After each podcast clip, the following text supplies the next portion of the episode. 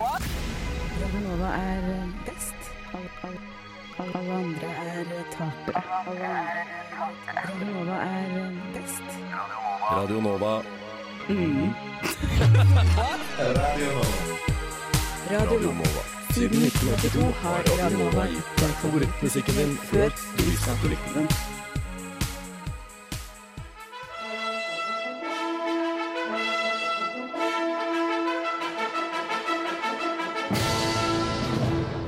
Everybody be cool.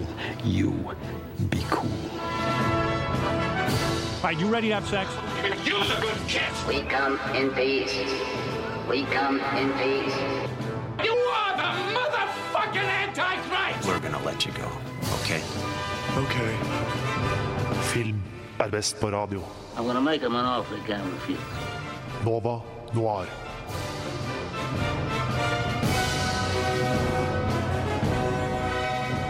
Velkommen, velkommen til Nova Noir.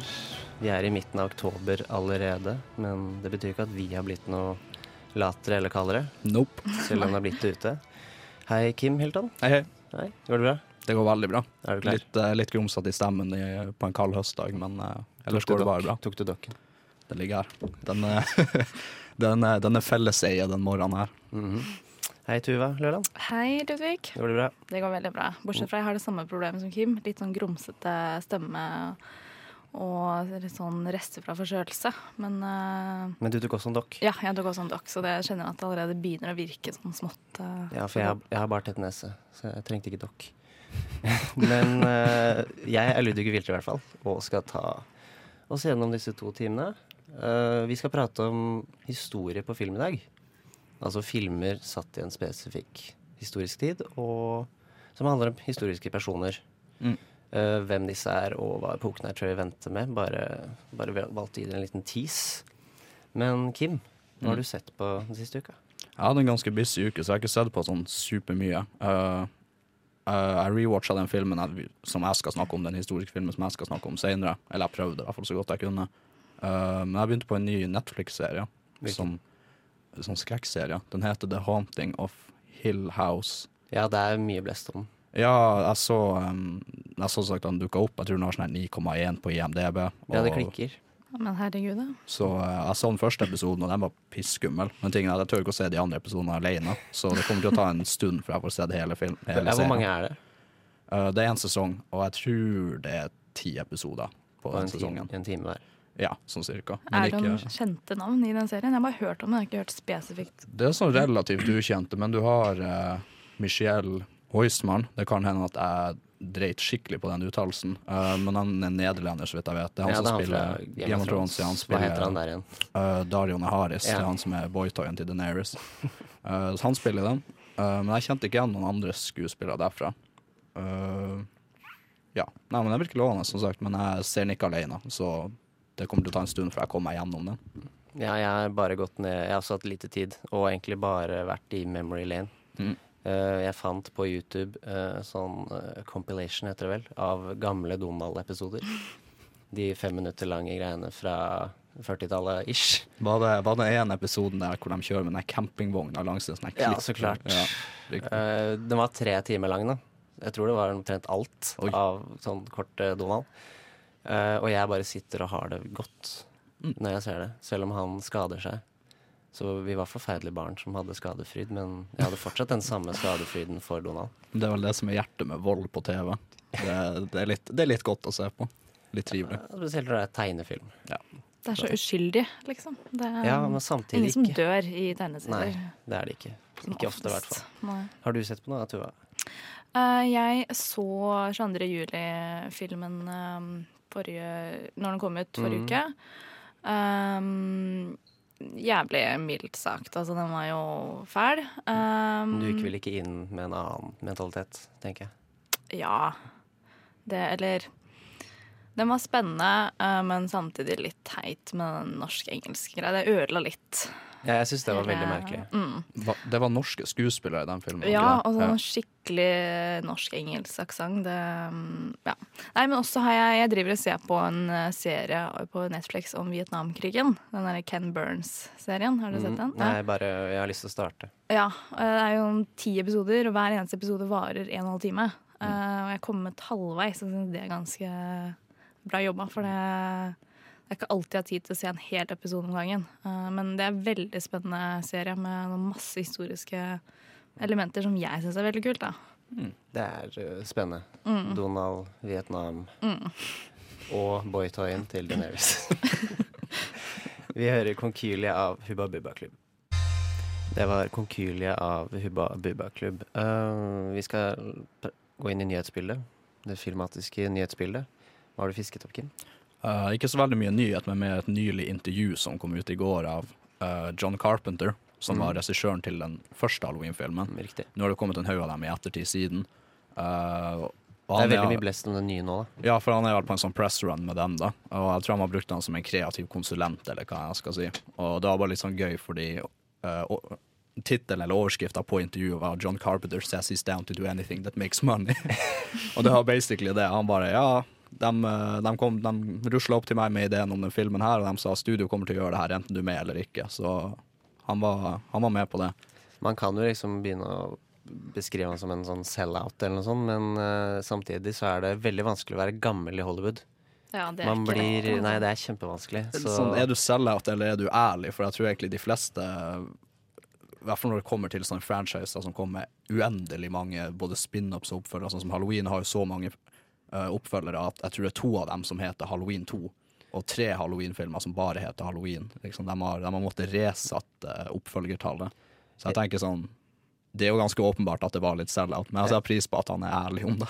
ja, jeg, jeg ville heller vært en ærlig sell-out enn en som prøvde å skjule det. Mm, det er sant. Jeg får mer respekt, hvis jeg kan kalle det det. Men den nye Halloween-filmen som kommer, den skal jo være ganske bra. Av, Mm. Ifølge hva jeg skal si, kritikere som har fått se den tidlig. Den kommer ut surprise, surprise rett før halloween, da, så den er rett rundt hjørnet. Og jeg gleder meg veldig til den. Det gjenstår å se. Uh, jeg har en nyhet som skremmer meg litt. Grann. Det er at eh, det planlegges en live action-versjon av Tom og Jerry. Spooky. Jeg tenker bare nei med en gang. Jeg tenker altså nei, nei, nei. nei. Nå kommer den konservative meg inn her. Ja. Og så kan vi ikke bare For jeg liker ikke Jeg er en sånn purist på Tom og Jerry, hvor jeg liker de aller eldste best. Ja, jeg også. De fra 40-, 50- og 60-tallet, tror jeg. Jeg vokste opp med den der ekte Tom og Jerry-serien. Ikke de derre sånn- Med de gamle tegningene og mm. gamle lydbilder og sånn. Eh, For jeg prøvde jo liksom å titte litt på de nye, hvor det er sånn helt annen tegnestil, og det er et eller annet som skurrer. Mm. Eh, Men da tenkte jeg bare OK, jeg er blitt eldre og jeg er sikkert bare sur, så jeg lar det liksom Jeg bare er litt gidder bare ikke se på det. på det. Men nå har jeg liksom litt sånn live action nei. Jeg skjønner ikke hvordan de har planlagt å gjennomføre det. Ja, for det er, jo det er mye sånn hairsay her og der. Fordi i mitt hode så kommer det til å bli sånn som Paddington. Mm. At de lager animerer 3D-figurer, og så skal Mm. de leve i en slags uh, menneskeverden. Ja, Det gir litt mer mening, fordi det, vi rørte jo litt kjapt på det i sted at uh, vold og sånn i tegneserier er litt gøy, fordi det er sånn tegneserieaktig er veldig uskyldig. Ikke like gøy å se Jerry bare smashe hodet til en faktisk katt med et strykejern, eller skyte etter det med hagle. Sånn, Ja, for når jeg bare leste overskriften, så trodde jeg det kunne bli sånn Space Jam-deal. Ja. At de er tegna. Opplagt er tegna. Det hadde du likt, Kim. For jeg Jeg elsker- jeg elsker Space Space Jam. Men, Men, heller det enn live action. Da, da vil jeg heller ha dem tegna inn. Sånn, med eh, ekte mennesker. Ja.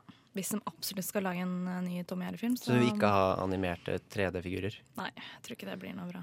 Nei, jeg vet ikke hva jeg hadde foretrukket av de to. Jeg er fortsatt skeptisk, selv om jeg Ja. har fått uh, utblåst, liksom. Ja. Mm. Uh, nei, uh, kanskje det blir kjempebra. Ingen vet. med strek under kanskje. Ja, kanskje. To streker. Uh, hva har du, Tuva? Eh, det skal jo komme en World War C2. Mhm. Eh, første fra 2013. Mm. kommer det en ny nå syv år etter. Fortsatt Brad Pitt i hovedrollen, men denne gangen så er det David Fincher som skal eh, regissere. Det er veldig interessant, fordi Det- det, pleier aldri å Du pleier liksom aldri å øke kvaliteten av regissøren eh, På på, toeren. Spesielt ikke på en film som egentlig ikke var Sånn, ikke Jeg syns ikke den var så kjempebra, i hvert fall. Nei, jeg hata den. Så Ja, du hatet den. Ja, jeg likte ikke den særlig godt. Jeg er på min skala er den sånn helt på midten. Ja, har, du, har du noen forhåpninger til den er nye, da? Nei. Eller Ikke? kanskje en smule fordi David Fincher er en av favorittregissørene mine. Så jeg Mm. tenker at han burde jo kunne få litt liv i denne historien. eh, no pun intended. uh, men ehm, jeg har ikke sånn kjempestore forhåpninger, egentlig. Men det er et stort pluss at det er David Fincher. Ja, øh, jeg, jeg bare sliter litt med å se hvordan han kan på en måte fincherifisere filmen. For han trenger jo å Han trenger jo å liksom følge premissene til den første. Ja. Han kan ikke bare gå helt sin egen vei. Så jeg, sånn jeg, bare, min, jeg forutser at dette kanskje ikke blir hans beste film noensinne. Nei, og det er jo det første filmprosjektet hans siden 2014, da, Gone Girl. Mm. Så han har jo ganske Det er mulig han har sett et eller annet i den første filmen da, Ja. som vi andre ikke har sett. Ikke har sett ja. Men uh, ja, som med Tom Jerry så er det bare å gjenstå og se. Det gjenstår å se. Vi hører Jorda rundt med Masova. Det var Masova med Jorda rundt.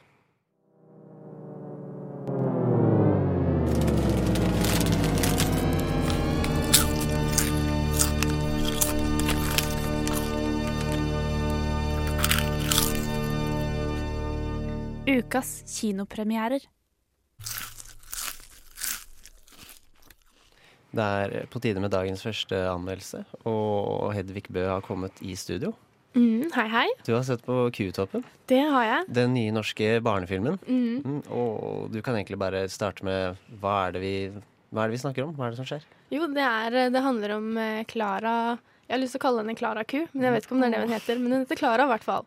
Og hun er en bykall bykalv som bor i byen med moren sin. Og så har hun fått brev fra faren sin om hun vil komme til eh, Kutoppen. Eh, så hun reiser dit for å møte faren sin. Det blir ikke helt som hun eh, forventer, og hun ender opp med å hjelpe faren å redde gården. En ung bykalv med en stor drøm En eller annen stjerne kan jeg vel bli. får en dag et brev hun har ventet lenge på. Kjære Klara, vil du besøke meg på Kutoppen i sommer? Hilsen pappa Mosk.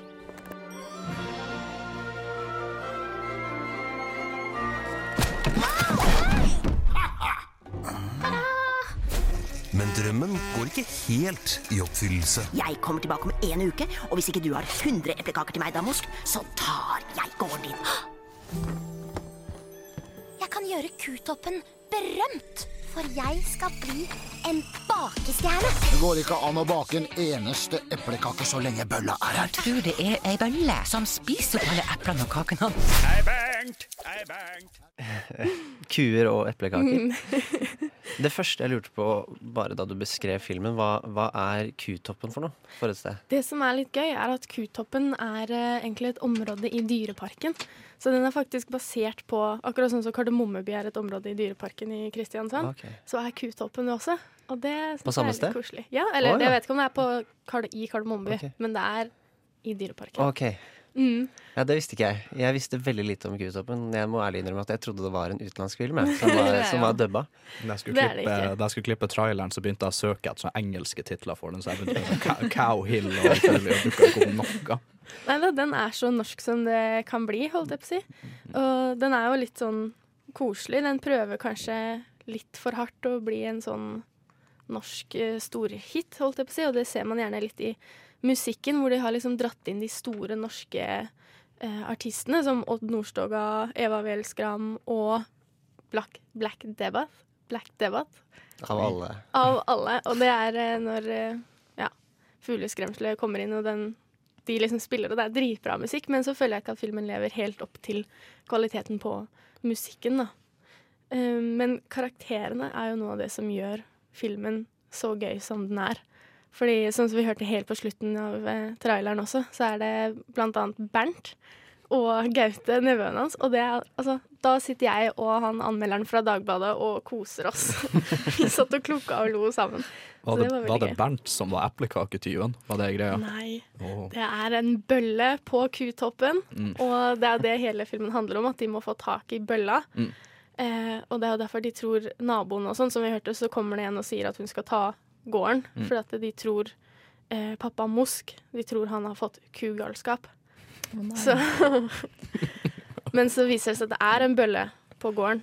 Og den bølla den eh, spilles av eh, Bjarte Tjøstheim, og det tror jeg er noe av det beste sånn voice actor jeg har hørt i den filmen, i hvert fall. En ganske tilfeldig stemmevalg for en bølle, tenker Ja, jeg. men se for deg eh, Har du sett eh, Underholdningsavdelingen noen gang? Nei.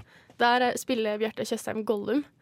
Og det er litt sånn den samme sånn der, sånne lyder han lager, og det passer sykt bra. Han er jo en ganske god skuespiller, og han er Mm. flink med stemmen sin. Mm. Og bare i traileren så hørte jeg Jeg vet ikke hvem det var, men jeg hørte stemmer jeg hadde hørt før. Mm. Så ikke bare musikere, men de er altså Du sier at de har satsa stort. Mm. Da har de vel satsa på skuespillere også, tenker jeg. Ja, jeg kjenner ikke igjen så mange av de eh, skuespillerne. Jeg kjenner en Sigrid Bonde Tusvik, og jeg skulle gjerne hatt mye mer av henne, men hun spiller mammaen til Klara. Og jeg vil gjerne hatt mye mer av henne. Jeg elsker jo henne, holdt jeg på å si. Jeg hører på podkasten hennes hele tiden. Eh, også Bjarte Tjøstheim som, som fugleskremselet. Mm. Um, Men hva syns du om uh, animasjonen? ja, den er egentlig både og. Altså, veldig bra, syns jeg. Det er litt sånne ting som de har gjort litt rart. Sånn som hendene til kuene er litt sånn Har de hender? Ja, ja, det visste ikke jeg, at kuer hadde hender. Men eh, det har de i denne filmen. da. De har liksom tatt to klover, og det funker. Men så har de en tommel også, og det har ikke kuer. Så det syns jeg var litt sånn Her er det merkelig. litt anatomisk ukorrekt. Ja, eh, ja, bare sånn for å pirke litt, da. Ja. Og så er det det noen steder hvor det på en måte hakker litt, hvor det er sånn oi, OK. Men så går det bra. Fordi noe det jeg opplever spesielt med norske og europeiske animasjonsfilmer, er at vi blir litt uh, Hva kan man kalle det? Litt bortskjemt av mm, Pixar, for eksempel, og sånn. Mm. Så ser det kanskje litt jeg vet ikke, billig ut, uten at det faktisk er det. Uh, og jeg klarte ikke For jeg, da jeg så animasjonsstilen på Q-toppen, så følte jeg at det lå et sånt sted imellom. Jeg vet ikke helt hva du Mm. følte. Ja, jeg syns det høres helt eh, riktig ut. Den er veldig bra for det aller meste. Og så er- er den nok uh, lagd litt for de yngre, holdt jeg på å si. Så det er veldig sånn milde, mild animasjon, vil jeg si. Det er, ikke, ja, det er ikke det det har vært mest fokus på, tror jeg. Det virker litt som de har satsa veldig hardt på musikk. For eh, hvis dere har sett den uh, Zootopia, den også Ja. er sånn veldig musikk, eh, kul musikk i. Og det har de liksom prøvd på i den her òg. Det er veldig kul musikk, men den faller litt sånn Det, på sånne rare tider. det selger veldig bra for barn. Mm. Og du sier at den er lagd eh, for barn, Mm. sånn animasjonsmessig. Men uh, er den det manusmessig òg? Er det liksom Ja, det er rent for barn, eller er det sneket inn litt sånn eh, voksenhumor her og der? Det er sneket inn veldig lite voksenhumor, som jeg kunne finne, i hvert fall. Mm. Men uh, det kan hende noen andre drar dit og ser alle vitsene som ikke jeg så. Men, uh, men den er hovedsakelig for barn. Det man koser seg med som voksen, er jo karakterene. Man sitter jo og ler av morsomme Bernt. Og hun ene karakteren, hun som skal komme og ta gården, eh, hun heter eh, Pauline. Hun, eh, Det er kanskje bare jeg som syns det, men hun kommer inn i sånn blå dress på en Segway. Og da tenkte jeg med en gang på Erna. Jeg vet ikke om det, vet ikke om det var planlagt, men eh, det gjorde jeg. Så da satt jeg og koste meg, i hvert fall. Men du sier det er Ja, som du sier, det er Nei, det er et godt spørsmål. Åh, Kanskje det er litt politisk humor. Ja, jeg tror det. Og så er det jo um, karakterene, det hørte vi jo litt på slutten av traileren, at de har sånn eh, Pappa Mosk og Bernt, de har sånne egne karaktersanger som jeg Altså, der, de elsket jeg, og jeg vil gjerne finne lydklipp av bare de. Jeg vil at de skal legge ut bare de på YouTube, for det er sånn Ei, Bernt, ei, Bernt. Og så sitter han og koser seg. Og, det, og Pappa Mosk, han har sånn um, Ja, han synger om at uh, jeg, jeg er ikke sprø, jeg skal finne deg ditt bøllefrø. Og det syns jeg er så gøy. De, de synger sine egne themesongs. Ja, og det syns jeg er Oh. fantastisk. Okay. Så ja, det syns jeg var noe av det koseligste, morsomste. Men jeg har et spørsmål. Mm. Hvordan funker det å være biku? På gården? Ja, Nei, hva altså, mener du? Var det ikke Bykalven kuer- Klara? Ja. Ja, nei, eh, vi har vel Jeg vet ikke, flytta til, flytta til byen, og mammaen hennes lager shakebar, milkshakes, er greia deres. Ja, der, ja. Det er også litt sånn, hvordan funker det? Ja. Fordi at når de trenger melk til å lage kaker, så kommer han fra nabogården, altså sauene kommer med melk til kuene. Så ja, det er litt sånne praktiske spørsmål som gjelder. Kuer har melk selv. Ja. Sånn Apropos det, så trenger jeg bare en liten oppklaring. Er, er alle dyr i den filmen Ja. her? Alle dyr. ok. Mm. Så Det er ikke blanding. da, da, da gir det litt mer mening at det er en byku, men Ja. Ja. Så tar hun liksom bussen opp til gården og hjelper faren sin. Det er kanskje ikke alle ting som trenger å besvares i barnefilm. Nei. Men det høres ut som du likte den litt grann? Eller? Ja, Likte den? den har liksom eh, Den er morsom. Jeg koste meg når jeg satt og så den. Den er eh, kanskje ikke så høy kvalitet som det de prøvde å få til. Den slo ikke an så hardt som de prøvde å få til, så jeg tror de har bomma litt der. Um, men ja. Men ja, den er jo for barn, men du skal jo anmelde den som voksen. Mm. Og i vår 1-10-skala, hvor er det du plasserer Q-toppen? Jeg har satt den på 6 av ti. Seks av Fordi ti. at jeg syns den er eh, ikke helt på topp, men den er god. Jeg har satt og kost meg. Ja, det er sånn du kunne tatt med ungen på, Mm, liksom. ja. Det er sånn du kan ta med nevøen din eller hvem som helst og se den, og så kan man kose seg litt samtidig. Tusen takk for anmeldelsen. Bare jeg, Takk for at jeg fikk komme. Jeg ble litt nysgjerrig på Ja. filmen av eller. Den er verdt å se bare for karakterene. Bare for å få med sangene. I burned, I burned. Eh, fra en sang til en annen. Vi hører replika av Clubs. Radio Nova.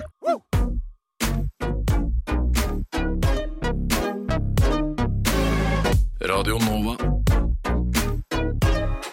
Studentradioen i Oslo. Radio Nova. Ja. ja. Hva? Nova? Ja.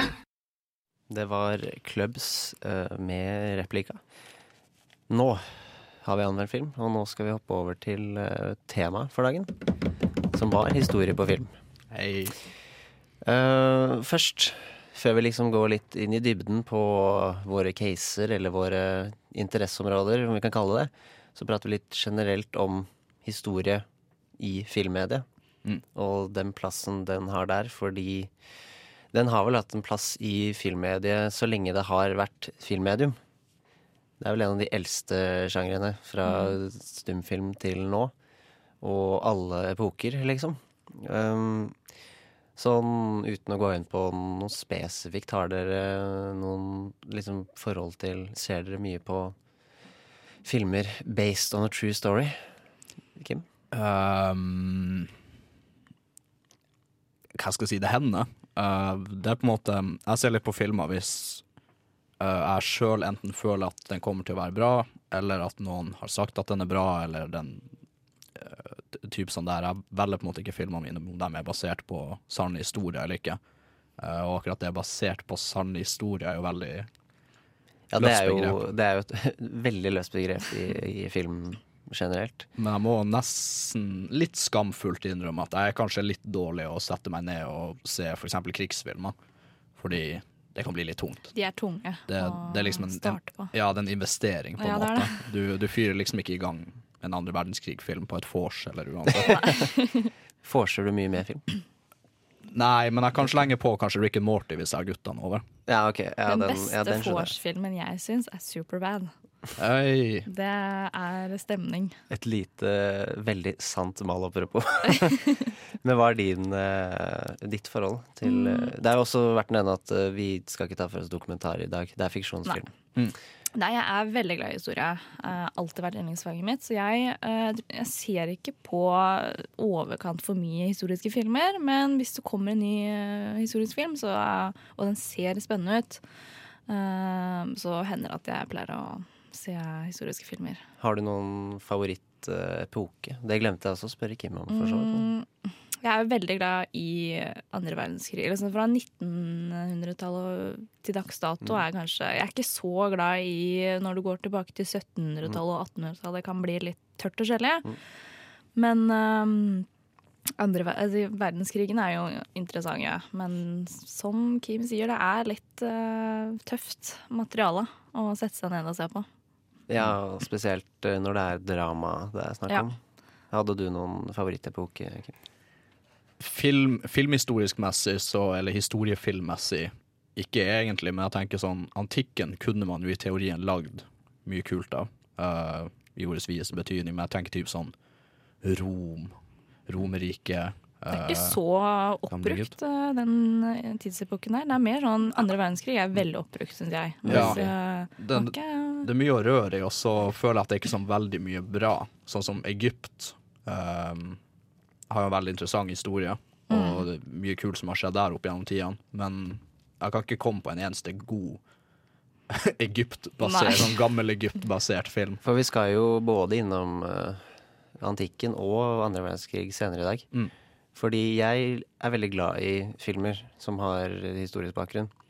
Uh, og, og jeg tror at uh, 1900-tallet, spesielt andre verdenskrig, eh, er mer oppbrukt fordi vi har mennesker å konsultere som har opplevd det, Mm. og har levd i det. Det Mens, eh, historie. Antikken er lite skrevet om, og det er mye, det er mye myter.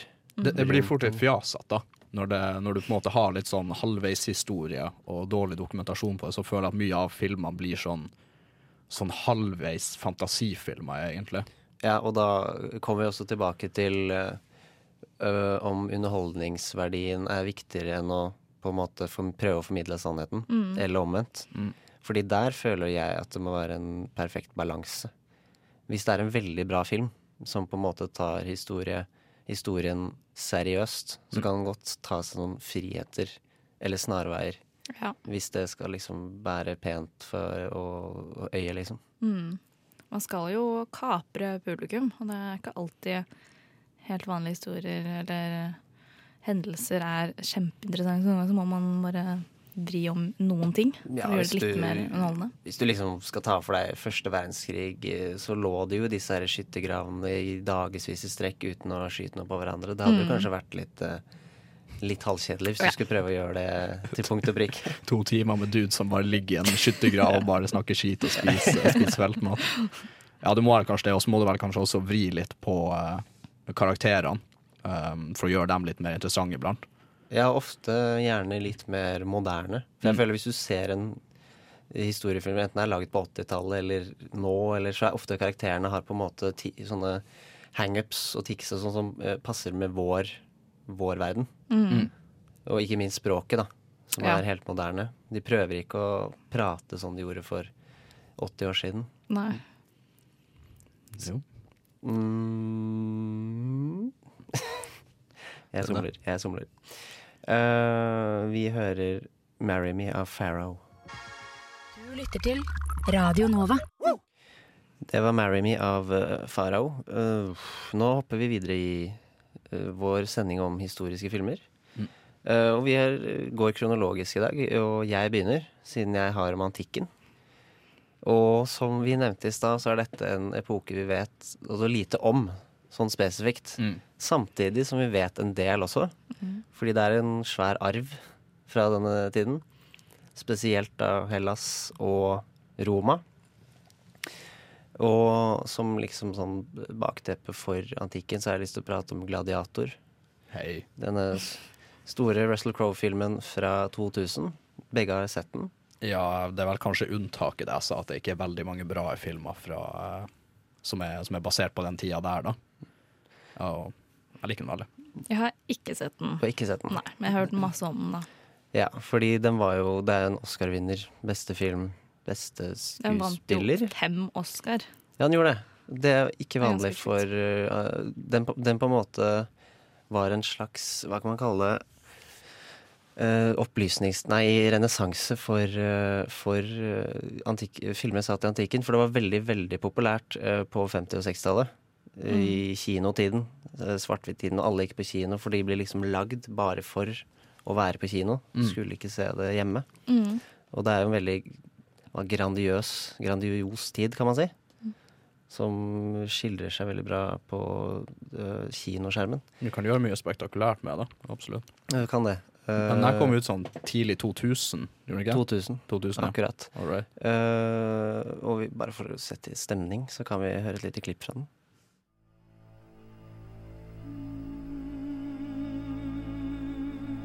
The general became a slave. The slave who became a gladiator. The gladiator defied an emperor. Only a famous death will do.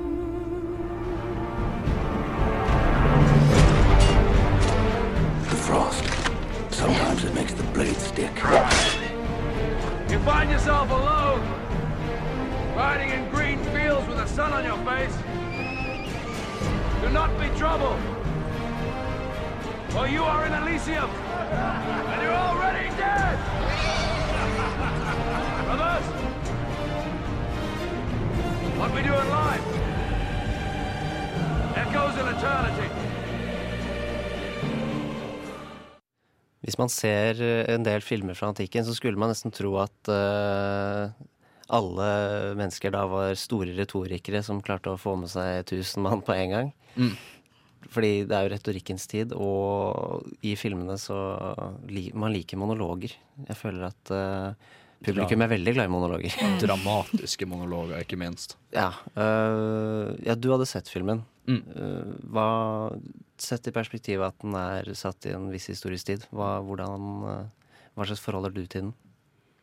Uh, sånn sett i eh, på en måte at den er i antikken. Uh, Ja, eller hvordan skiller historie, da? ja, det vet jeg. Jeg vet ikke hvor, jeg vet ikke hvor historisk korrekt den er. Hvis Den er visstnok ikke veldig, Ikke veldig. men gladiatorkamper, det fantes jo i virkeligheten. Ja. Men der, den satte Men ikke til døden. Det er vel kanskje den største Ja, det er, hvis man skulle ikke til døden. Men- Var det ikke? Ikke, altså Det var mer sånn underholdnings... eh, Det var mer show enn at du skulle drepe Det var ganske sjeldent at uh, det var til døden. Mm. Og så starta jo uh, Den filmen her tror jeg starta en sånn svær internettdebatt om uh, hvorvidt uh, historikere er uenige om at uh, det der med at tommel opp er de får leve, og ned er, er døden. Mm. Men visstnok så var det omvendt, ifølge okay. noen. At Mm. tommel opp, ja, drep. Ned, ikke drep.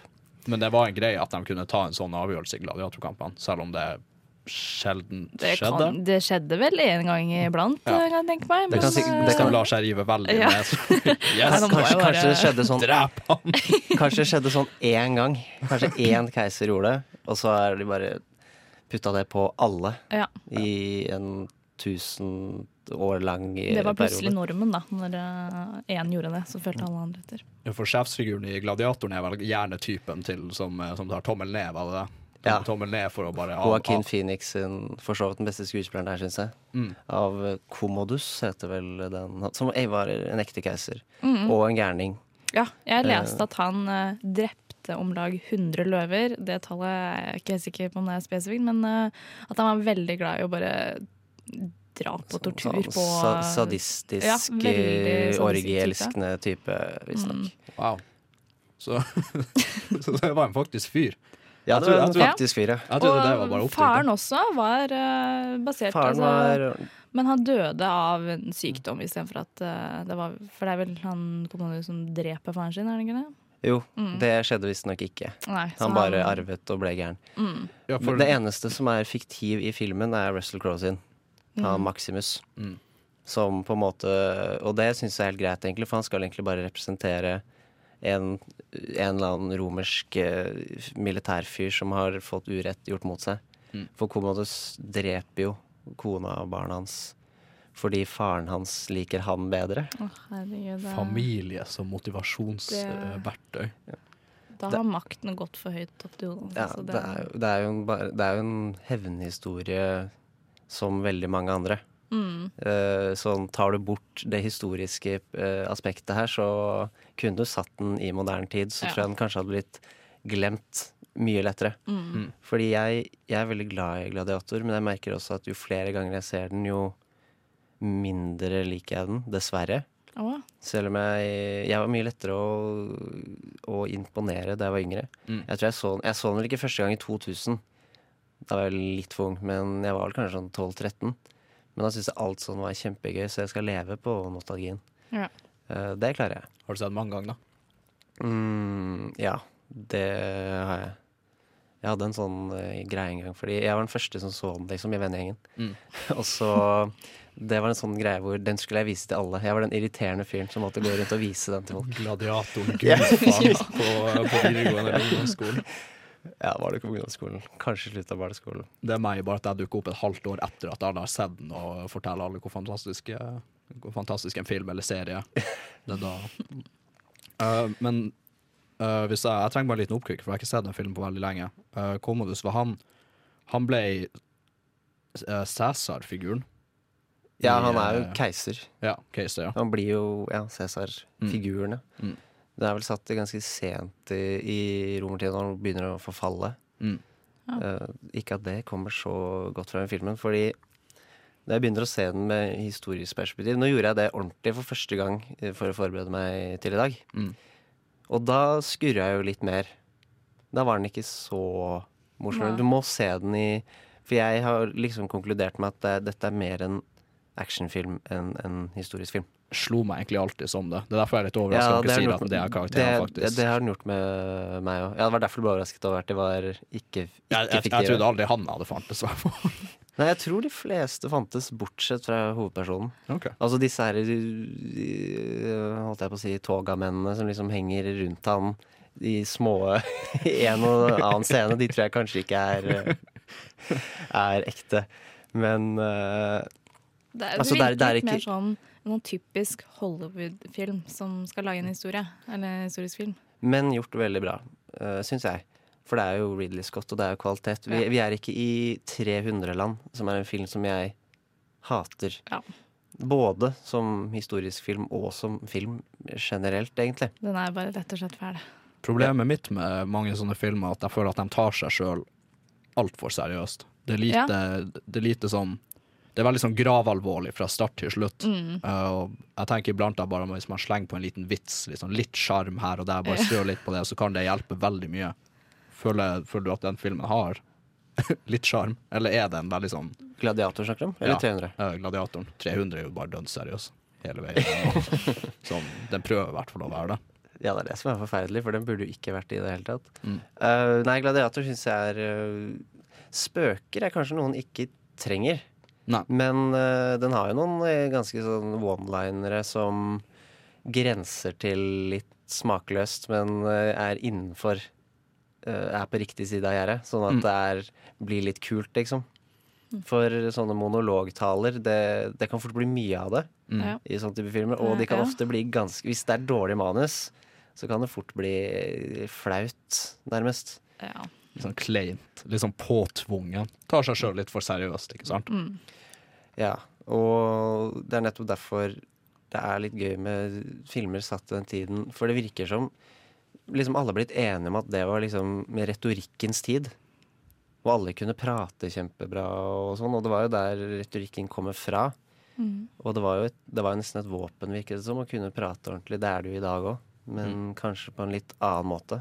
Ja. For det var den eneste måten du kunne nå folk.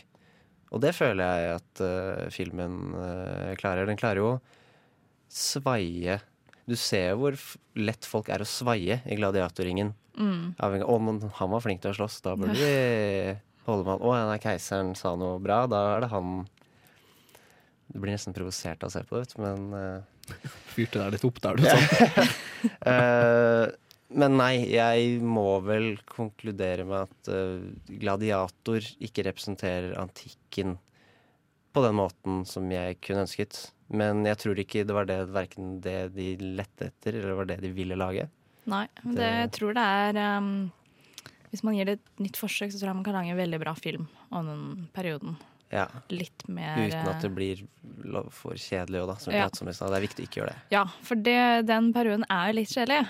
Uh, så- Jeg orker ikke sånn, sånn senatmøter med Nei, eh, det- 20 eldre menn som står og skriker til hverandre. Det Retorikkens tid.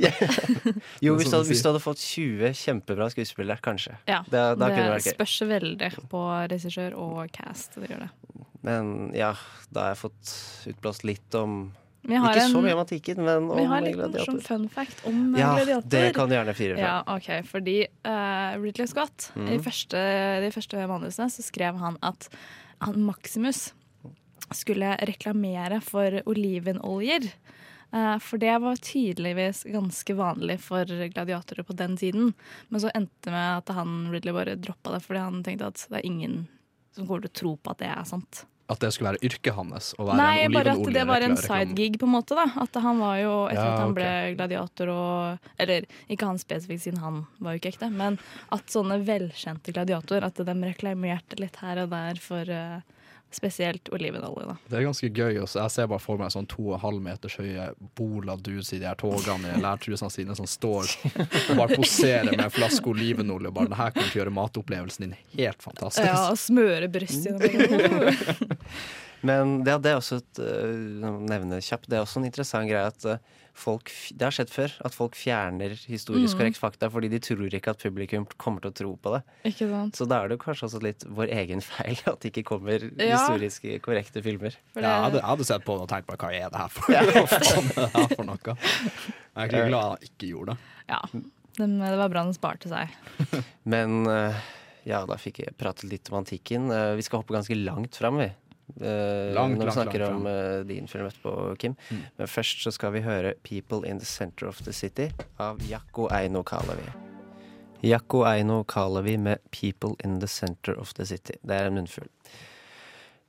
Vi pratet om antikken i stad, uh, og Gladiator. Vi fortsetter historiesendingen vår, og vi hopper relativt langt fram i tid. Ganske langt frem i tida. Hvor er det vi skal, Henkim? Vi skal til andre verdenskrig. Uh, som vi sa, det er jo mildt sagt en periode hvor uh, Som har inspirert mange filmer. Um, men jeg skal snakke om en film som heter Der Untergang, eller Undergangen, eller Downfall. Uh, og det er en tysk film som handler om Hitlers siste ti dager som leder av Nazi-Tyskland. Es bleiben im Raum Keitel, Jodl, Krebs und Burgdorf.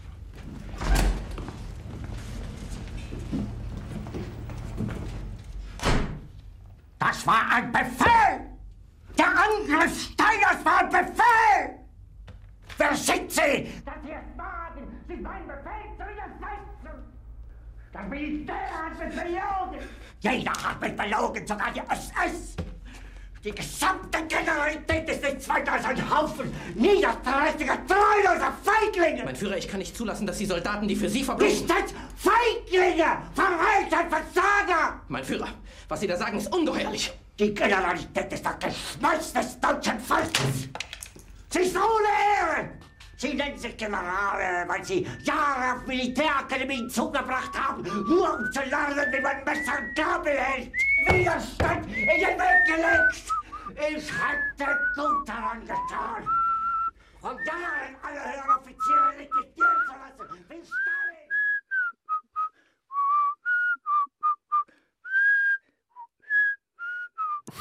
Hitler er sinna i den filmen her. Dette er lyden av en som taper en krig. Ja, du merker at det var hans siste ti dager. Eh, Stressa. Ja, han eh, Man kan mildt sagt si at han var litt stressa i den tida her. Um, ja, som sagt, plott i filmen siste ti dagene. De allierte presser seg nærmere og nærmere Berlin og The Wolf Slayer, uh, mens Hitler sjøl på en måte debatterer eller er litt uh, splitta mellom om han skal rømme og prøve å overleve, rømme fra Berlin, uh, eller om han skal bli der og gå ut i en blaze of glory, eller som historien eh, har fortalt oss, et, et tygg på en cyanidtablett. Som kanskje ikke helt Det var ikke eh, helt blaze of Kanskje ikke så eh, heroisk som han så det så for seg. Um, men ja, filmen kort oppsummert er uh, ting går til helvete og folk dør. Uh, vi vet jo hvordan det der fungerte for dem. Uh, men det som er litt interessant her, er for det første så skal filmen være veldig historisk korrekt. Selvsagt med visse, visse friheter på replikker og karakterer og sånne ting. Men mange av um, Hitler sine replikker, eller Bruno Gantz som spiller Hitlers replikker, er faktiske ting som Hitler har sagt, som ble fortalt av Filmen folk. er jo basert på hun um, sekretærens bok. Ja. Hun Trolljungel, eller et eller annet hva den heter. Ja, for de, intervju de intervjuer vel hun i begynnelsen av filmen. Du får bare sånn Mhm. kjapt sånn dokumentaraktig Ja. klipp at hun sitter som gammel dame og forteller Mm. om de tingene her. Uh, så det er en film som, hvor de har tatt som sagt, basert på boka. De har også fått med seg historier fra andre folk som uh, uh, har fortalt om det her, da. Vevd det inn i filmen, og ja, som sagt, gitt en gang, ganske historisk korrekt film. Og um, ja, jeg likte den. Den er bra. Ja, for av, eh, apropos de som husker det her, eh, da filmen kom ut, så var det to stykker som Nei, det var én som levde, tror jeg. Mm. Og det var han, du vet han som sitter i Han sekretæren som sitter liksom på det bordet med en gang de kommer ned. Han sier egentlig ingenting i filmen. Men det sitter i hvert fall en fyr bak en sånn disk i det første rommet. Ja. Og overhører litt sånn uh, i dører og sånne ting. Mm. Her og der. Og han ekte personen, han uh, lever ennå, tror jeg. Ennå? Eller så var det ikke lenge siden han døde, men han sto for mye av uh, mye av informasjonen. Mm. Og det er derfor en del scener i Eller noen scener i filmen er bare at du over, nei, overhører ting bak lukkede dører. Mm. For det skal være på en måte hans perspektiv uten at det er det. Mm. Så det er litt eh, interessant. Ja, det gjør det. Og det som er litt gøy med den filmen, er at det er den første på en måte, tyske filmen om Hitler. Ja. Tror jeg. Det Jeg i tror det er den som, hvert fall som tok det så, Ja. så uh, intimt. Og, Mm. og overraskende, uh, overraskende uh, quote unquote mainstream også. Jeg følte at det var en skikkelig deep cut av meg å finne fram en tysk film om Hitler og andre verdenskrig, men jeg har snakka med et par folk den der siste uka om at ja, jeg skal se for den filmen, jeg skal snakke om den filmen. Og jeg er bare sånn å, den har ikke du hørt om. Det er Untergang, liksom. Ja, det er tysk. Du har ikke sett den driten. Og alle bare sånn å ja, ja. Liker den. Kjempebra film. Kult. Man føler seg litt spesiell og bare sånn Ja, jeg har sett det er Untergang, men eh, det har faen meg alle òg, nesten. Den traff jo en eh, Hvis man ikke så den på skolen, så traff den jo et ganske svært publikum, i hvert fall da den kom. Mm. For jeg tror jeg så den ganske tidlig etter den kom ut. Så hjalp vel kanskje også det klippet jeg spilte, jeg glemte å gi noe kontekst på det, men det er jo fra en ganske sånn berømt scene som ble Meme på YouTube. mimifisert på YouTube. Der igjen fordi det er en tysk scene, og det er basically bare Hitler som bare kjefter og kjefter og kjefter og kjefter, og kjefter så hører han gjennom døra. Og så putter du på random tekst under, Ja, som er helt urelatert. Jeg har sett alt fra ting som at eh, Hitler er fotballmanager, han er sur for at spilleren sin skal, skal stikke, eller uansett. Og Ja, jeg, jeg opplevde at uh, memen gikk for langt da det kom en sånn metavideo hvor, hvor den het sånn 'Hitler er sur fordi at de bruker den scenen i det runde gang til å lage memes'. Da prøver du for Ja, hardt. da, da, gikk- ja, nå går du for langt. Da, da, da prøver du litt for hardt. Det som egentlig skjer i den scenen, er at de, de blir omringa, og Hitler sitt, sitt siste håp uh, Jeg glemmer hva han heter, men en av offiserene hans har da en, uh, en styrke uh, som, som på en måte da er esset i hånda til i ermet til Hitler. Og så sier basically alle de rådgiverne hans, alle de kommandørene hans, at ja, eh, ting går til helvete, de ryker inn, og de kommer til å være her om så og så mange dager. Og så sier Hitler ja, det går fint, vi har eh, eh, Ludvig har styrkene sine, han kan marsjere på dem og banke dritten ut dem, liksom. Og så er det stille en liten stund, og så sier de han kan ikke det. Han gjorde ikke det. Og det er da du på en måte Du får se den der hvor hvor, um, hvor out of touch han er, da. Hvor da han bare med en gang ting ikke går hans vei, så bare går han på en skikkelig sånn raserianfall, og bare alle er forrædere, kan ikke stole på noen, han gjør alt sjøl, liksom. Han ero- erobra Europa helt på egen hånd. Og um, Han ble litt gæren på slutten. Ja, så, så kommer de, han var jo kjempemorfinavhengig, så de der abstinensene kommer jo når han klikker.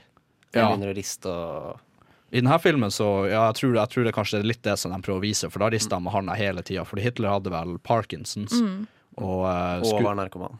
Og narkoman. Og skuespilleren Bruno Gantz han hadde visstnok uh, studert da eh, folk med Parkinsons sykdom for å kunne etterligne eh, den skjelvinga som han hadde i venstrehånda. Du ser ofte i det som er av klippene, at han går med handa gjemt bak ryggen fordi den rister, ikke sant. Og det anså vel han som et tegn på svakhet. Det ser kanskje Ja. ikke akkurat ut, så bra ut at lederen for Det tredje riket går rundt og Det er ikke en bra look, det, liksom. det er ikke en bra look, ja. Han var et veldig bra cast òg, syns jeg. Veldig, veldig, veldig bra. Og det som er interessant med det, er at han var ganske langt nede på listen av skuespillere som skulle bli brukt. Fordi eh, det som også er veldig viktig med den filmen her, sånn sett i et stort perspektiv, er at eh, den på en måte tyskere At det er tyske som på en måte tar oppgjør med dette her. Mm. Fordi det tok veldig lang tid før Ja. tyskere Men det syns jeg var passende, at den venta Ja. såpass lenge. For det, det, er, det er så sårbar eh, historie for eh, tyskerne. Så hvis man hadde laget en film på 90, kanskje 80-tallet, så hadde det vært, det hadde vært too soon. Ja, det er, og det er visstnok ikke så lenge siden de begynte å ha det på pensum på skolen heller. Tyskland under, ah, ja. under andre verdenskrig. Oh, ja. Det er bare vært gjemt. Ja. Så filmen Jeg tror det var på en måte kanskje sunt å Mm. lage filmen. Uh, og, men tilbake til Bruno Gantz, uh, og apropos det at tyskere ikke gadd, og østerrikere for den saks skyld, fordi Hitler var fra Østerrike. Mm. Og de lette jo først etter en østerriksk skuespiller for å matche aksenten. Mm. Leste, og så lette de videre i Tyskland og fant ingen. Det var ingen som liksom turte. Og så fant, de Bruno Gans fordi han er fra Sveits. Og i Sveits så fant de folk De var jo ikke med i krigen i det hele tatt, så der fant de litt mer distanserte folk. Mm. Og det var eh, sånn de fant han, da. Men eh, de traff jo, traff jo gull, da. Ja, det gjorde den virkelig. For det er ikke bare er han lik som person, jeg syns han er lik utseendemessig også. Ja, så mye At også. alt bare klikker, eh, eller klaffer ganske greit med kanskje etterligningen. ikke så gøy å ligne på han, kanskje. Nei, men det er det ikke. Men med den barten Ja. og det håret, så Ja. ble det gjort en ja, bra han, jobb. han hadde jo en eh, veldig spesifikk look. Ja. Ja, jeg, tror ikke, jeg tror ikke min mann Bruno går ned gata i dag uten barten og sidesleiken, og folk bare ah, 'Du!' Jeg vet ikke om noen har sagt det her til deg, men du ligner på Adolf, mann. Jeg tror, jeg tror han slipper unna den. Uh, Men den verste scenen, eller altså alle scenene er jo jævlige i den filmen, uh, men den mest sånn heartbreaking er jo når hun Magda Goebbels tar livet av sine seks barn. Hun var visst supergæren. Ja, vet du hva, det At hun eh, klarer å bare eh, stappe de cyanidpillene og bare Og helt uten noe Hun er ikke noe trist eller Altså, hun slenger seg ned på gulvet etter hun er ferdig, men hun er så stone cold at jeg skjønner ikke hvordan Det. Er fordi hun var, hun var visstnok overbevist om at uh, nazisme var riktig, og ville Ja. ikke ha barn som ikke bodde i et Tyskland som var nazistisk. For de portretterer mange, mange av karakterene naturlig nok som veldig fanatisk. Sånn, Ja. Til den grad at de vet at alle kommer til å dø, og til og med etter at Hitler egentlig gir seg og bare sier til folk at ja, vi disjer ut cyanidtabletter i øst og vest, så blir de der. Istedenfor for å dra opp og fortsette å overleve. Så sier de ja, ok, vi Ja. kommer til å dø, vi skal dø, vi skal dø med deg. da. Ja. Og jeg savner kanskje litt i den filmen at de, de kunne visst litt hvorfor, på en måte. Ikke, ikke menneskeliggjort Hitler, men liksom vis hvorfor folk var så fanatisk til ham. da. Mm. Um, Du fordi syns kanskje filmen er for beskrivende og for lite dyptgående? um, Ja, men når det er sagt, så som sagt, det er en tidagersperiode, så det er jo en ganske sånn relativt liten periode hvor du, som du skal lage en film ut av. Så jeg skjønner at du ikke kan ta hele livshistorien hans. Um, men i den filmen, da, så som sagt, han var jo pressa, mildt sagt, så han var jo egentlig bare en kuksekk mot alle. Bortsett fra damene. Han var, var ganske hyggelig Ja, med damene i filmen. Og barn, og det er der man på en måte får se den sånn menneskelige siden av Hitler, som er nesten litt sånn ubehagelig. Men Mm. herregud, han var jo et menneske, han òg, bare et jævlig menneske. Men det er liksom man får en litt annen side av at han er ikke bare et monster. Ikke at det rettferdiggjør han. Det, det er en ganske grusom eh, scene hvor han er så hyggelig mot uh, disse barnesoldatene. Ja. Men samtidig så er det barn han bare helt uten å nøle sender ut til basically å dø. Ja, han hadde et sitat i filmen hvor de sier um, uh, Det er snakk om at han skal mobilisere masse unge folk, barn og ungdommer og sånn her til å basically et selvmordsoppdrag. Og så sier de ja, men uh, Mind Fury, liksom, hva, hva, hva med dem, liksom? Bryr du deg ikke om det? Og bare nei. Og så sier han bare helt kaldt det er det unge folk er til for. Men sånn summa summarum, du liker du den som en historisk film? Jeg liker den som en historisk film. Det blir litt som Jeg vet ikke om jeg kan klage på det, men som, som en film så føles det litt som monoton. Det blir liksom, Den er veldig gravalvorlig, og Det kan jeg si meg enig i. det er to og en halv time med ting går til helvete og folk dør. Uh, Mm. Men ikke sant, det, det er historien, da, så jeg kan på en måte ikke klage på det. Jeg vil ikke at de skulle lage en komedie ut av det, eller noe. men som en film Kanskje kutta ned lite grann. Bitte litt på den. Jeg føler de har med litt uh, for mye. Ja. det er ting de fint kunne kutta ut, Mm. egentlig. Det er mange, mye karakterer eller mye historiske personer som dukker opp i den filmen. Så Ja. ja. Og du klarer ikke å holde styr på alle disse pers personene heller. Altså Mm. det, ett navn popper, og så har du glemt etter ti sekunder. Nå er det kanskje på tide at jeg er veldig ærlig med dere. Og, eller jeg sa det jo til dere før sendinga, men ærlig med lytteren. Og si at jeg sovna av eh, den siste halvtimen av filmen. Jeg har sett den før, men jeg skulle rewatche den da for å friske den opp. Og, men jeg hadde ikke veldig dårlig samvittighet til det, fordi når den Det var noen tidsbegrensninger inn der òg, var det ikke det? når de, ja, det var litt tidsbegrensninger, men når de siste to timene har vært ting går til helvete og folk dauer, så hadde jeg en viss peiling på hvordan den siste halvtimen kom til å bli. Uh, ja, og det er vel egentlig, egentlig det som skjer hva der også. Ja. Så nei da, men for all del, bra film. Se den, og den skal jo være veldig historisk korrekt, så uh, Virker som den utfordrer seeren litt, da. Når eh, alle vi er enige på en måte at den kanskje viser for mye og er litt lang. Mhm. Eh, vi hører 'Follow the Lights' av Pom Poco. Pom Poco med 'Follow the Lights'. Nå har vi toucha antikken og andre verdenskrig. Nå skal vi høre på noe helt annet. Tuva valgte en litt mer nå-epoke. Ja, nå skal vi helt fram til 2000-tallet. Begynnelsen av 2000-tallet. Vi skal til oss, rett og slett. Ja, da, nåtidens nesten. Eh, vi skal til filmen 'Spotlight'. Mm eh, fra 2015. Den handler om eh, et sånn journalistteam eh, på Boston Globe-avisen i USA. Som da avdekket et vanvittig stort eh, seksuelt misbruk av barn i den katolske kirke. Law had to know. That's why he had the reaction. He knew there were others. I think that's the bigger story. The numbers clearly indicate that there were senior clergy involved. That's all they do. Indicate. Are you telling me that, that if we run a store with 50 pedophile priests in Boston, We'll get into the same cat fight you got into on Porter, which made a lot of noise, but changed things not one bit. We need to focus on the institution, not the individual priests. Practice and policy. Show me the church manipulated the system so that these guys wouldn't have to face charges. Show me they put those same priests back into parishes time and time again. Show me this was systemic, that it came from the top down. Sounds like we're going after law. Den settingen her er jo øh, Altså, i filmen her så på en måte kulminerer det i en ekstrem uting. Som Ja. på en måte nesten har blitt en slags klisjé i den katolske kirken. Ja. En veldig, veldig stygg klisjé. For det eh, misbruk av barn er jo ikke som var noe veldig nytt når de fant denne historien på, i 2001. Eh, alltid sånn eh, en åpen hemmelighet om at eh, de katolske prestene de driver litt på små barn. Eh, og i begynnelsen av filmen så starter med I 1976 eh, så er det en prest da, som er eh, tatt for å ha misbrukt et barn. Så det har jo pågått i evigheter. Um, og uh, denne avisen da, hadde jo allerede fått på eh, 90-tallet fått eh, tips om eh, så mye som 20 prester som eh, drev med sånne ting, men de hadde bare gravd det ned, for de hadde ikke nok å bygge på. Men så får de med hjelp fra forskjellige advokater, og de har litt mye mer stoff å bryne seg på. Så de finner jo til slutt eh, 87 prester bare i Boston-området som er um, um, pedofiler, og at man, de finner ut at disse prestene de blir ikke tatt ut av kirken, de blir plassert på andre steder. Så det er jo en evig ond sirkel med pedofile som misbruker barn. Ja, for det store problemet har jo vært å, at de, de prestene de tar, på en måte er for langt nede Mm. på rangs, rangstigen. Ja. Du må mye høyere opp for at man kan forandre på noe som helst. Ja.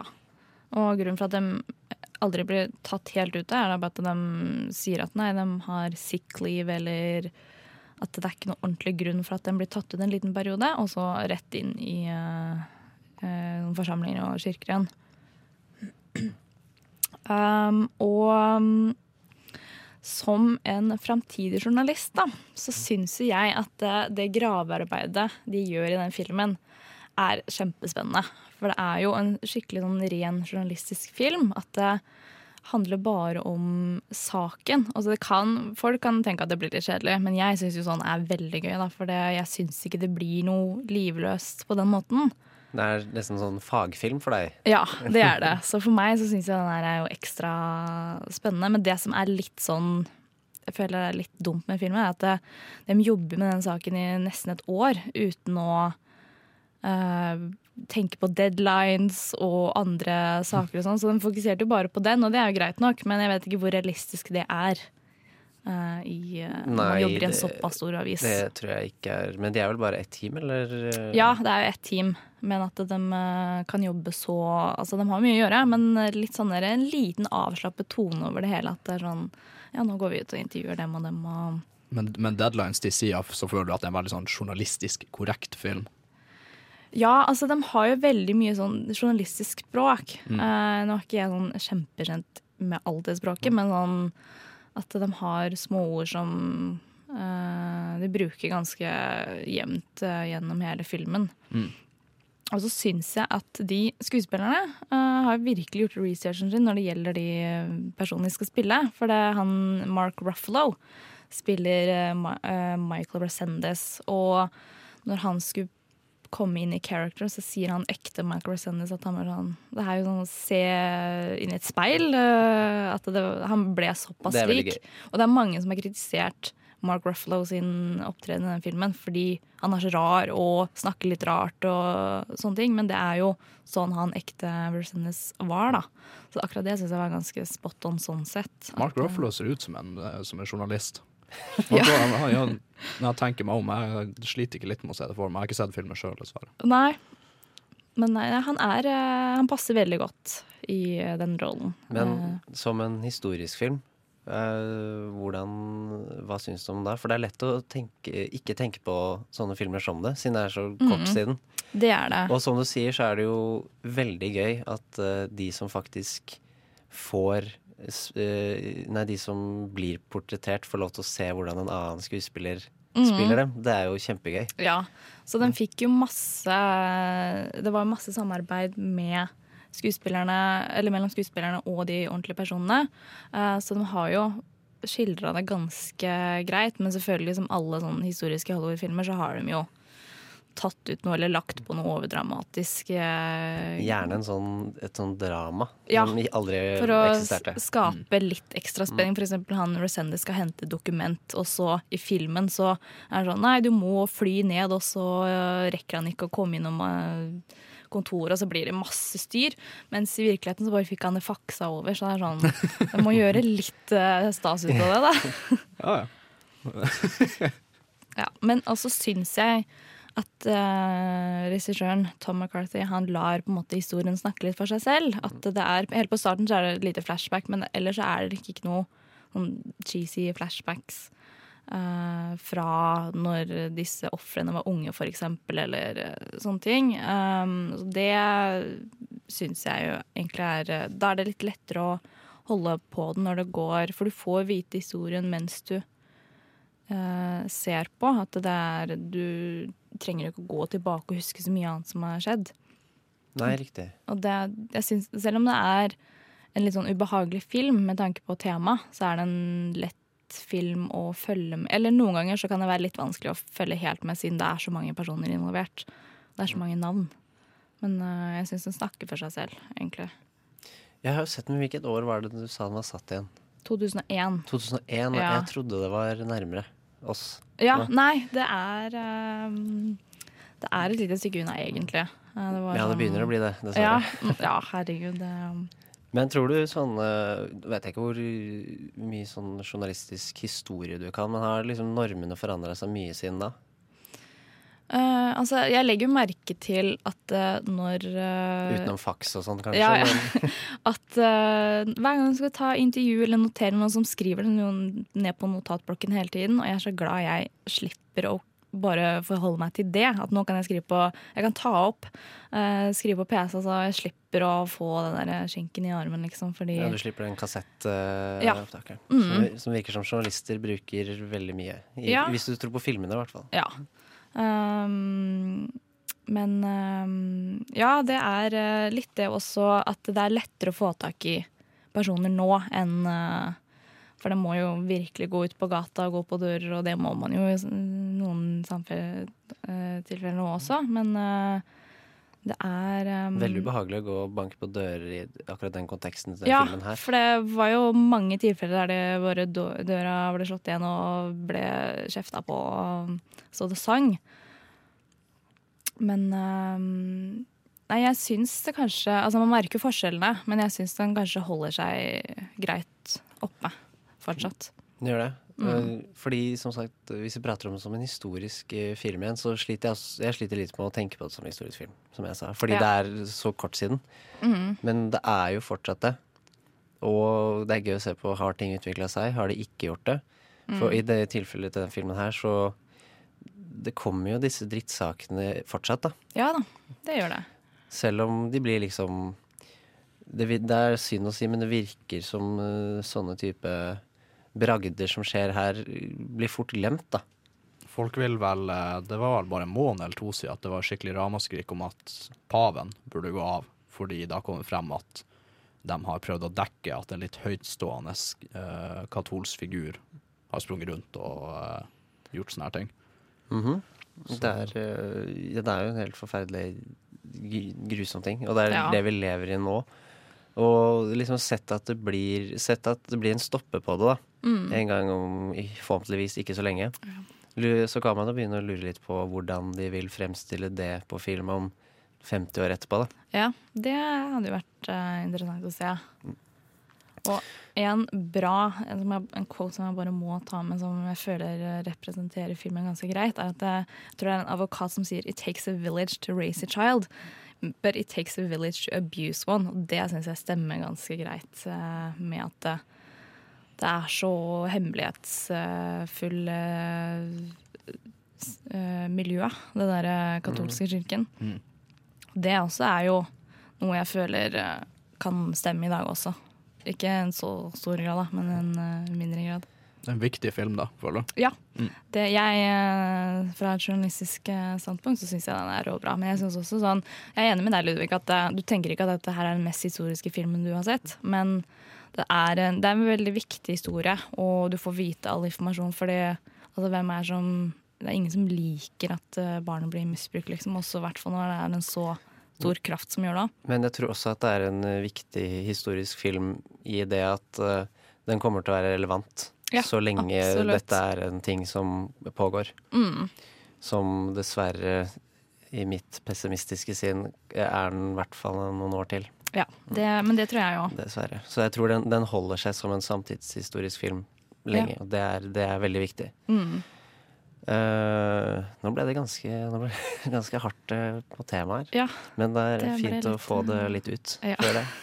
Det er viktig. Rante litt. Eh, vi hører 10LEC6 med Quakers. Det var 10LEC6 med Quakers. Eh, og nå er det på tide en ny anmeldelse. Nova Noir presenterer ukens kinopremierer.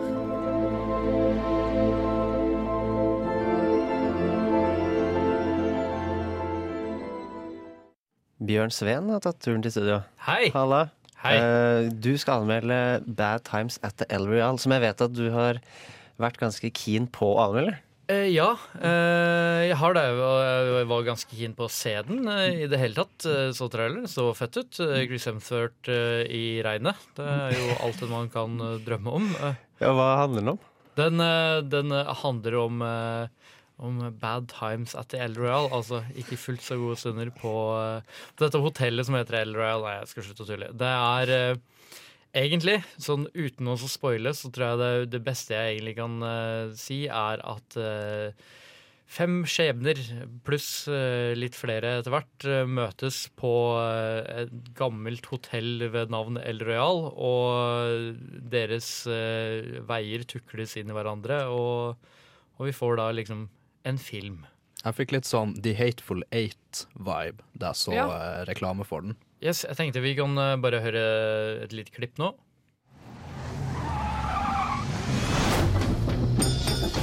First time at the El Royale? You have the option to stay in either California or Nevada. I always want to stay in the honeymoon suite, even though I'm not currently on my honeymoon. What are you doing out here? I got a job singing in Reno tomorrow. Don't pay nothing, but uh, singing, singing. This is not a place for a priest, Father. You shouldn't be here. It's a little too quiet in here. It gives me the willies.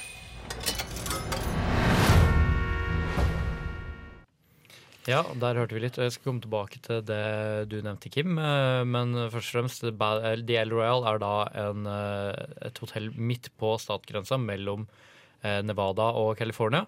Så når du er på Du kan få rom på den ene siden av hotellet, det er på California-delen, eller på andre siden av hotellet, det er Nevada-delen, og så er det litt sånn gambling-greier. Men det er eh, Et eller annet har skjedd. Jeg mista skjenkebevillingen eh, på Nevada-sida etc. Så eh, det er nå ganske fallferdig, så det er da bare liksom noen få gjester på hotellet. Um, du sa at, uh, at det minna litt om Hateful Eight. Den er veldig Tarantino-esk. Det er Ja, for det meg jeg veldig tydelig at uh, Drew Goodard, uh, som har regissert og skrevet filmen, han uh, har vokst opp, eh, i hvert fall til dels, med Tarantino og funnet ut at der skal jeg legge malen. Og det funker til en viss eh, grad. Det er eh, definitivt en film. Det er en film som er verdt å se, med veldig gode skuespillerprestasjoner fra så vel Jeff Bridges eh, og Dakota Johnson, John Ham, Cynthia Erivo. Uh, synes jeg Erivo er kanskje liksom den som folk kjenner igjen minst der. Dakota Johnson kjenner folk kanskje fra Fifty Shades, og Jeff Bridges burde du bare vite hvem er. Det er stjernespekka. Hvis du ser den filmen her, så vet du i hvert fall hvem Jeff Bridges er etter, fordi han virkelig leverer. Og jeg må si, liksom Satte meg ned også og begynte å se filmen, så trodde jeg liksom Her er det virkelig noe. Dette kommer til å også levere som faen. Eh, men eh, den har sine problemer. Det er jo eh, Altså Det er gode prestasjoner. Det er, veldig vakkert. Det er en vakker film. Jeg undrer fortsatt litt både er, hvilken, hvilken sjangerland er vi? Ja, det, det er vanskelig, egentlig. Jeg ville kalle det en Tarantino-film, og så opprette det som en egen sjanger. For det er, det er litt musikalelementer, det er litt sånn crime story, det er litt uh, action. Det er ganske mye action, uh, egentlig. Uh, det er litt psykologisk uh, inn i bildet. Det er, det er en liten sånn sjangerblend, egentlig. Eh, så jeg vet ikke helt hva jeg skal kalle det rent spesifikt. Eh, Men er den som en eh, Tarantino-film hvor da I IMDb så står det mystery thriller. Det skjønner jeg ingenting av. Men Riktig. det er greit. Men hvis den er som en Tarantino-film, ligger det da veldig mye i manus? Eh, det er nok der den feiler litt. Fordi den, For det er veldig viktig hvis den skal minne om en Tarantino-film. den legger opp til at du skal ha litt god tålmodighet eh, når du ser den filmen. her. Litt god tålmodighet må du også ha, for det, ting bruker litt tid på å transpirere. Den er litt treg i begynnelsen. Det er mye klipping fram og tilbake i tid. Uh, gjør seg hyppig bruk av det for å liksom sånn gå litt mer i dybden på motivasjonen til de forskjellige karakterene. Og sånne ting, og det er egentlig ganske bra. Det er bare det at uh, det er ikke det blir, ender bare aldri opp med å være så godt motivert som det er i en Tarantino-film. Du får ikke de her kraftige, gode dialogene. Det, altså, skuespillerne gjør en jævlig bra jobb, føler jeg, i forhold til hvor lite de egentlig har jobbet med dialogmessig. Um, så det er det, Og jeg skulle ønske jeg kunne si, og det tenkte jeg på, at det kunne nesten vært en Tarantino-film for folk som synes det er for mye prating i Tarantino-filmer. Men jeg får ikke til det heller, for det er fortsatt så mye venteperioder innad i filmen der du liksom venter på at ting skal skje, og så kommer det en sånn liten overraskelse. Men det var ikke egentlig liksom en, en overraskelse som rettferdiggjorde den tiden du har liksom brukt på å leve deg inn i det, egentlig. Ja, Du beskriver det nesten som det er en eh, liksom Tarantino-fanboy som har prøvd å lage en Tarantino-film. Han har fått til å lage en Tarantino-film. Okay, bare ikke en eh, Bare ikke superbra en. En veldig bra en, nei. Uh, dessverre. Uh, det er rett og slett bare det at uh, sånn type, den, har, den har allting i seg som kunne gjort det her til en, liksom, en jævlig bra film. Den kommer litt short på for mange steder. Og så er det også jeg kan nevne liksom, en liten pet peeve som jeg egentlig har med, med filmen. Det er veldig mange gode musikalske innslag i den. Jeg tror nesten hvert eneste liksom, av de musikalske innslagene i seg selv er veldig bra. Men det er altfor mange av dem. Uh, når jeg telte gjennom i hodet mitt, så kom jeg på fem sekvenser i den filmen her som aleine bare er liksom ren musikk. Jeg får lurte på om disse her Er det, er det musikalinnslag, eller er det musisk Nei, det noen som Kalske synger. innslag? Eh, men det er liksom ting formidles via den musikken som synges, som liksom okay. Du kan si knytter tilbake opp på plottet på en sånn måte at de på en måte liksom synger karakteren sin, og sånn kan du kalle det musikal. Det er ikke egentlig det. Det er bare en karakter som synger jævlig mye. Og det er veldig fint, det er for mye av det. Og det er egentlig Det er litt for mye av Blir litt gimmicky. Ja. Og det, det er litt for mye av liksom diverse ting i den filmen her. Så det virker som du er liksom ikke misfornøyd, veldig misfornøyd på ett sted. Det virker som de liksom ikke har klart å gjøre det bra, eller veldig bra på noen steder, og det sammenlagt Nei, gjør den ikke så veldig bra? Det det Den kommer til kort på veldig mange måter, Mm. og det er det som ikke gjør den så veldig bra. Eh, til tross for at liksom, Hvis du liker Jeff Bridges fra før, så kommer du til å like den filmen her. For det er mye Jeff Bridges. Og han Ja, er det jævlig solgt allerede der, liksom. Ja. Og John Ham som liksom, han er jo halvkomedisk eh, igjen i den filmen her, og det, der syns jeg han er strålende god. Uh, og Cynthia Rivo, som liksom det her må vel nesten være gjennombruddsfilmen hennes, hun, hun, hun gjør en klasse rolle, altså, og, og kjøper virkelig liksom medfølelsen min og innlevelsen min. Men fortsatt, når det er sånn Når den faller litt sånn platt i forhold til uh, Altså, det er når jeg fortsatt er litt frustrert når jeg går ut fra den, så, så holder ikke det, dessverre. Nei, jeg, jeg skjønner jo det. Mm. Uh, så når du skal uh, gi den en karakter, da, hvor er det vi ender? Ja, jeg har ligget og slura mellom en sekser og en sjuer, som kanskje høres høyt ut i forhold til det jeg har sagt, men du går definitivt inn og så ser du en film som er verdt kinobilletten, og som, som jeg mistenker kan liksom ta seg opp ved gjensynsverdi. Ja, for det Eh, høres ut, veldig ut som du liksom har veldig lyst til å like den, uten at du klarer det helt har, det er nøyaktig det. Jeg har veldig lyst til å like den, og det er der frustrasjonen min ligger. Så, men jeg, når alt kommer til alt, så lander nok jeg på en sekser.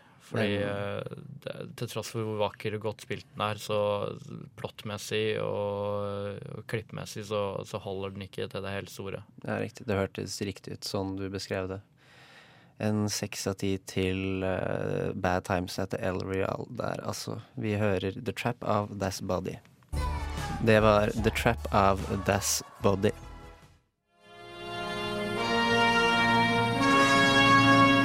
Geni eller en kønt.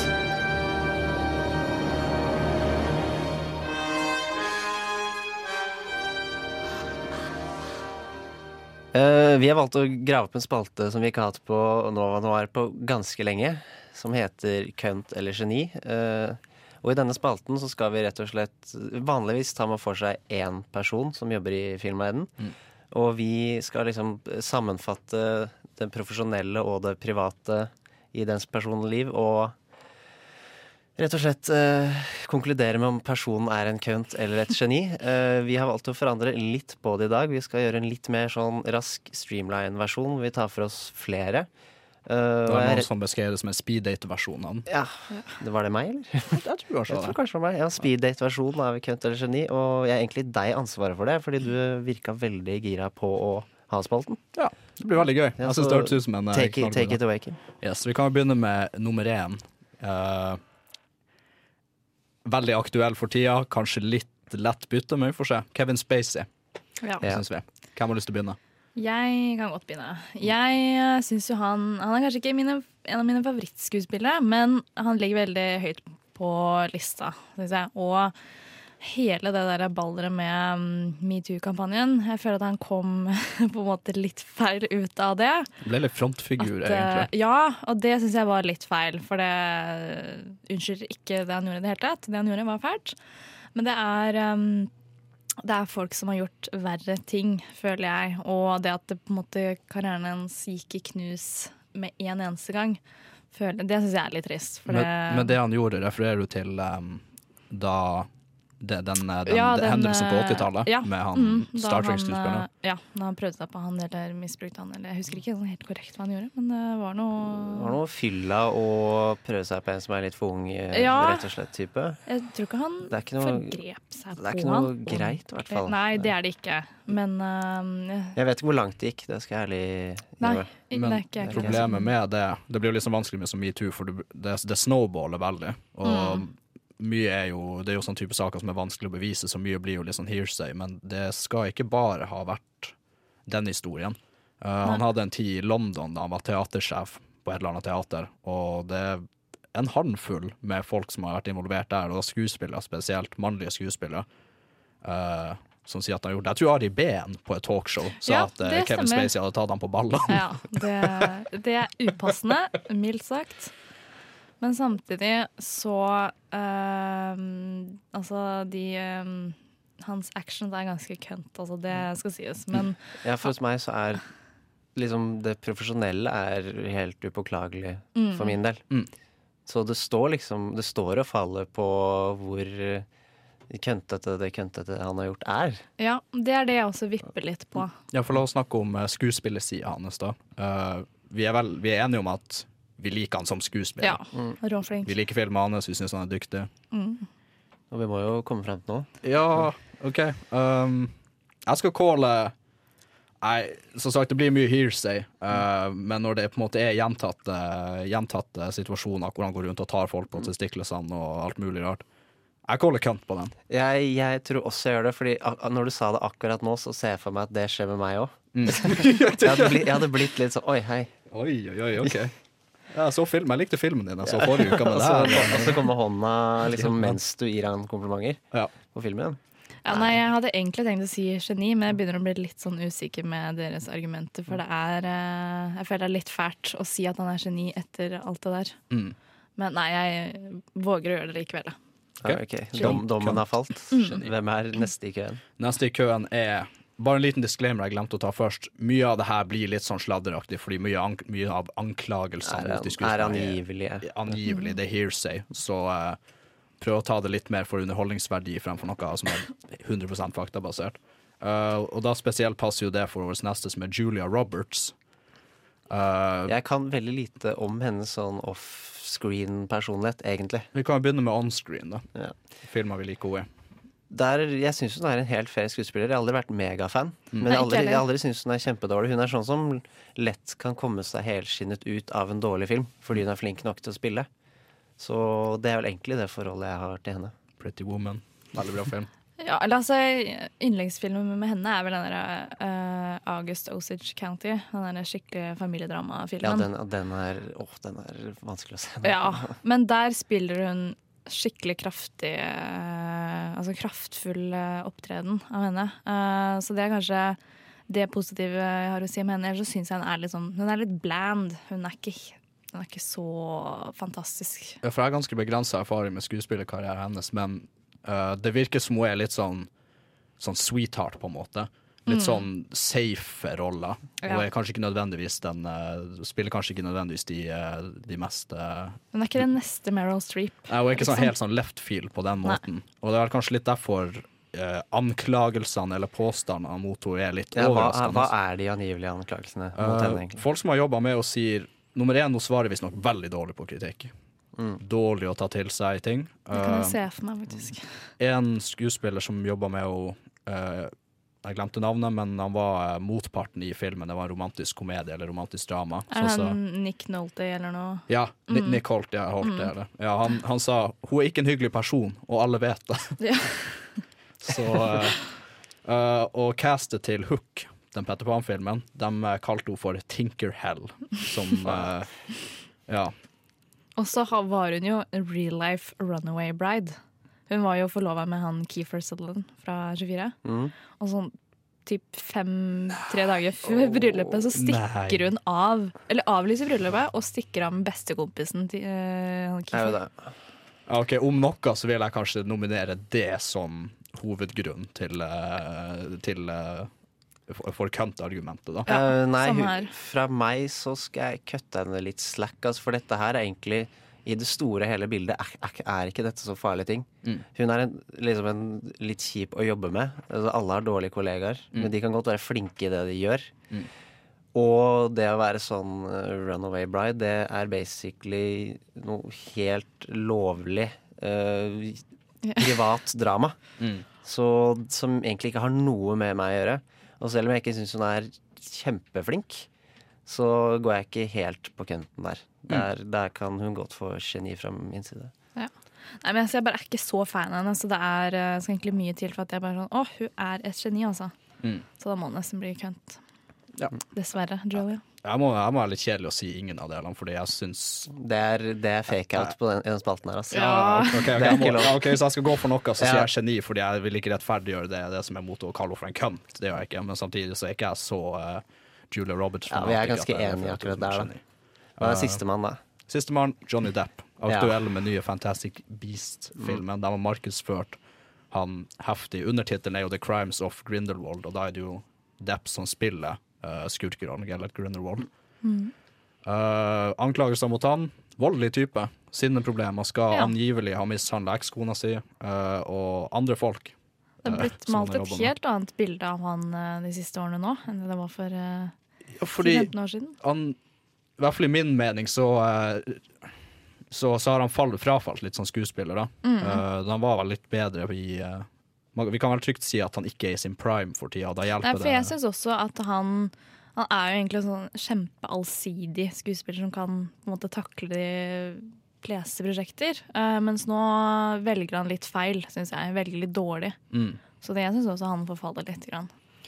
Ja, altså jeg, Hvis jeg skal dømme han på, på det profesjonelle, hvis vi tar det opp til Si opp til en viss tid, da 2005-ish og 90-tallet og sånn. For der er det mange av de filmene jeg syns er best. Jeg syns Ed Wood, for eksempel, kanskje er den beste biografiske filmen som fins. Ja. en av de, i hvert fall. Og jeg syns når han først gjør det bra, så gjør han det så sinnssykt bra. Mm. Men han virker som om på et eller annet tidspunkt så var det en blanding av at han fikk så mye penger, og at han noen ganger så virker rett og slett som han er litt lei av å være skuespiller. Altså, øh, må, ja. jeg, må jeg på jobb igjen? Og så Så det, det proffe med han må jeg liksom dele i to. Mm. Det er liksom middel, blitt veldig middelmådig etter hvert. Mm. Ellers er det liksom en sånn minirolle i noe hvor, det er, hvor han liksom knapt synes. Sikkert igjen for pengene. Mm. Og det private er jo ikke greit. Det virka ikke som han tålte å bli singel. For det Nei, virka som det, måten det virket utad som han liksom hadde et ganske stabilt liv med hun derre Vanessa Paradis. Mm. Og så For det var jo altså hans Det derre kokaingreiene og det festingen hans samsvarte jo med skilsmissen. Det gjør det. Eh, og siden da så har det liksom bare vært uh, mye sånn tullmann. Altså jeg vil ja, I hans forsvar så vil jeg si at kanskje mer av det han gjør, som vi i hvert fall vet at han har gjort, er mer selvskadelig enn skadelig rundt han for andre. Ja. For han gjør også mye bra. Altså, Alle de gangene han har steppa opp på sykehus uh, kledd i fullt Jack Sparrow-kostyme for å besøke syke barn. Det er kanskje den fineste tingen man kan gjøre. Og han elsker jo den rollen. Ja, og han gjør mye bra for barn. Altså, for ene, Datteren hans var jo på sykehus ganske lang stund, og etter det så ga han på en måte så mye tilbake til det sykehuset. da. Mm. Så han er ikke bare en kønt, liksom. Nei. Uh, hvor, hvor går hammeren? Frafalt litt, frafalt litt som skuespiller, så Ja. eh, hvis du hadde spurt meg for ti år siden, så ville jeg kåla geni, men i dag så kønt. Straight up. Han eh, hos meg, så Jeg sitter veldig på gjerdet. Men eh, kan hende jeg angrer på valget. Men jeg, jeg heller mot geni.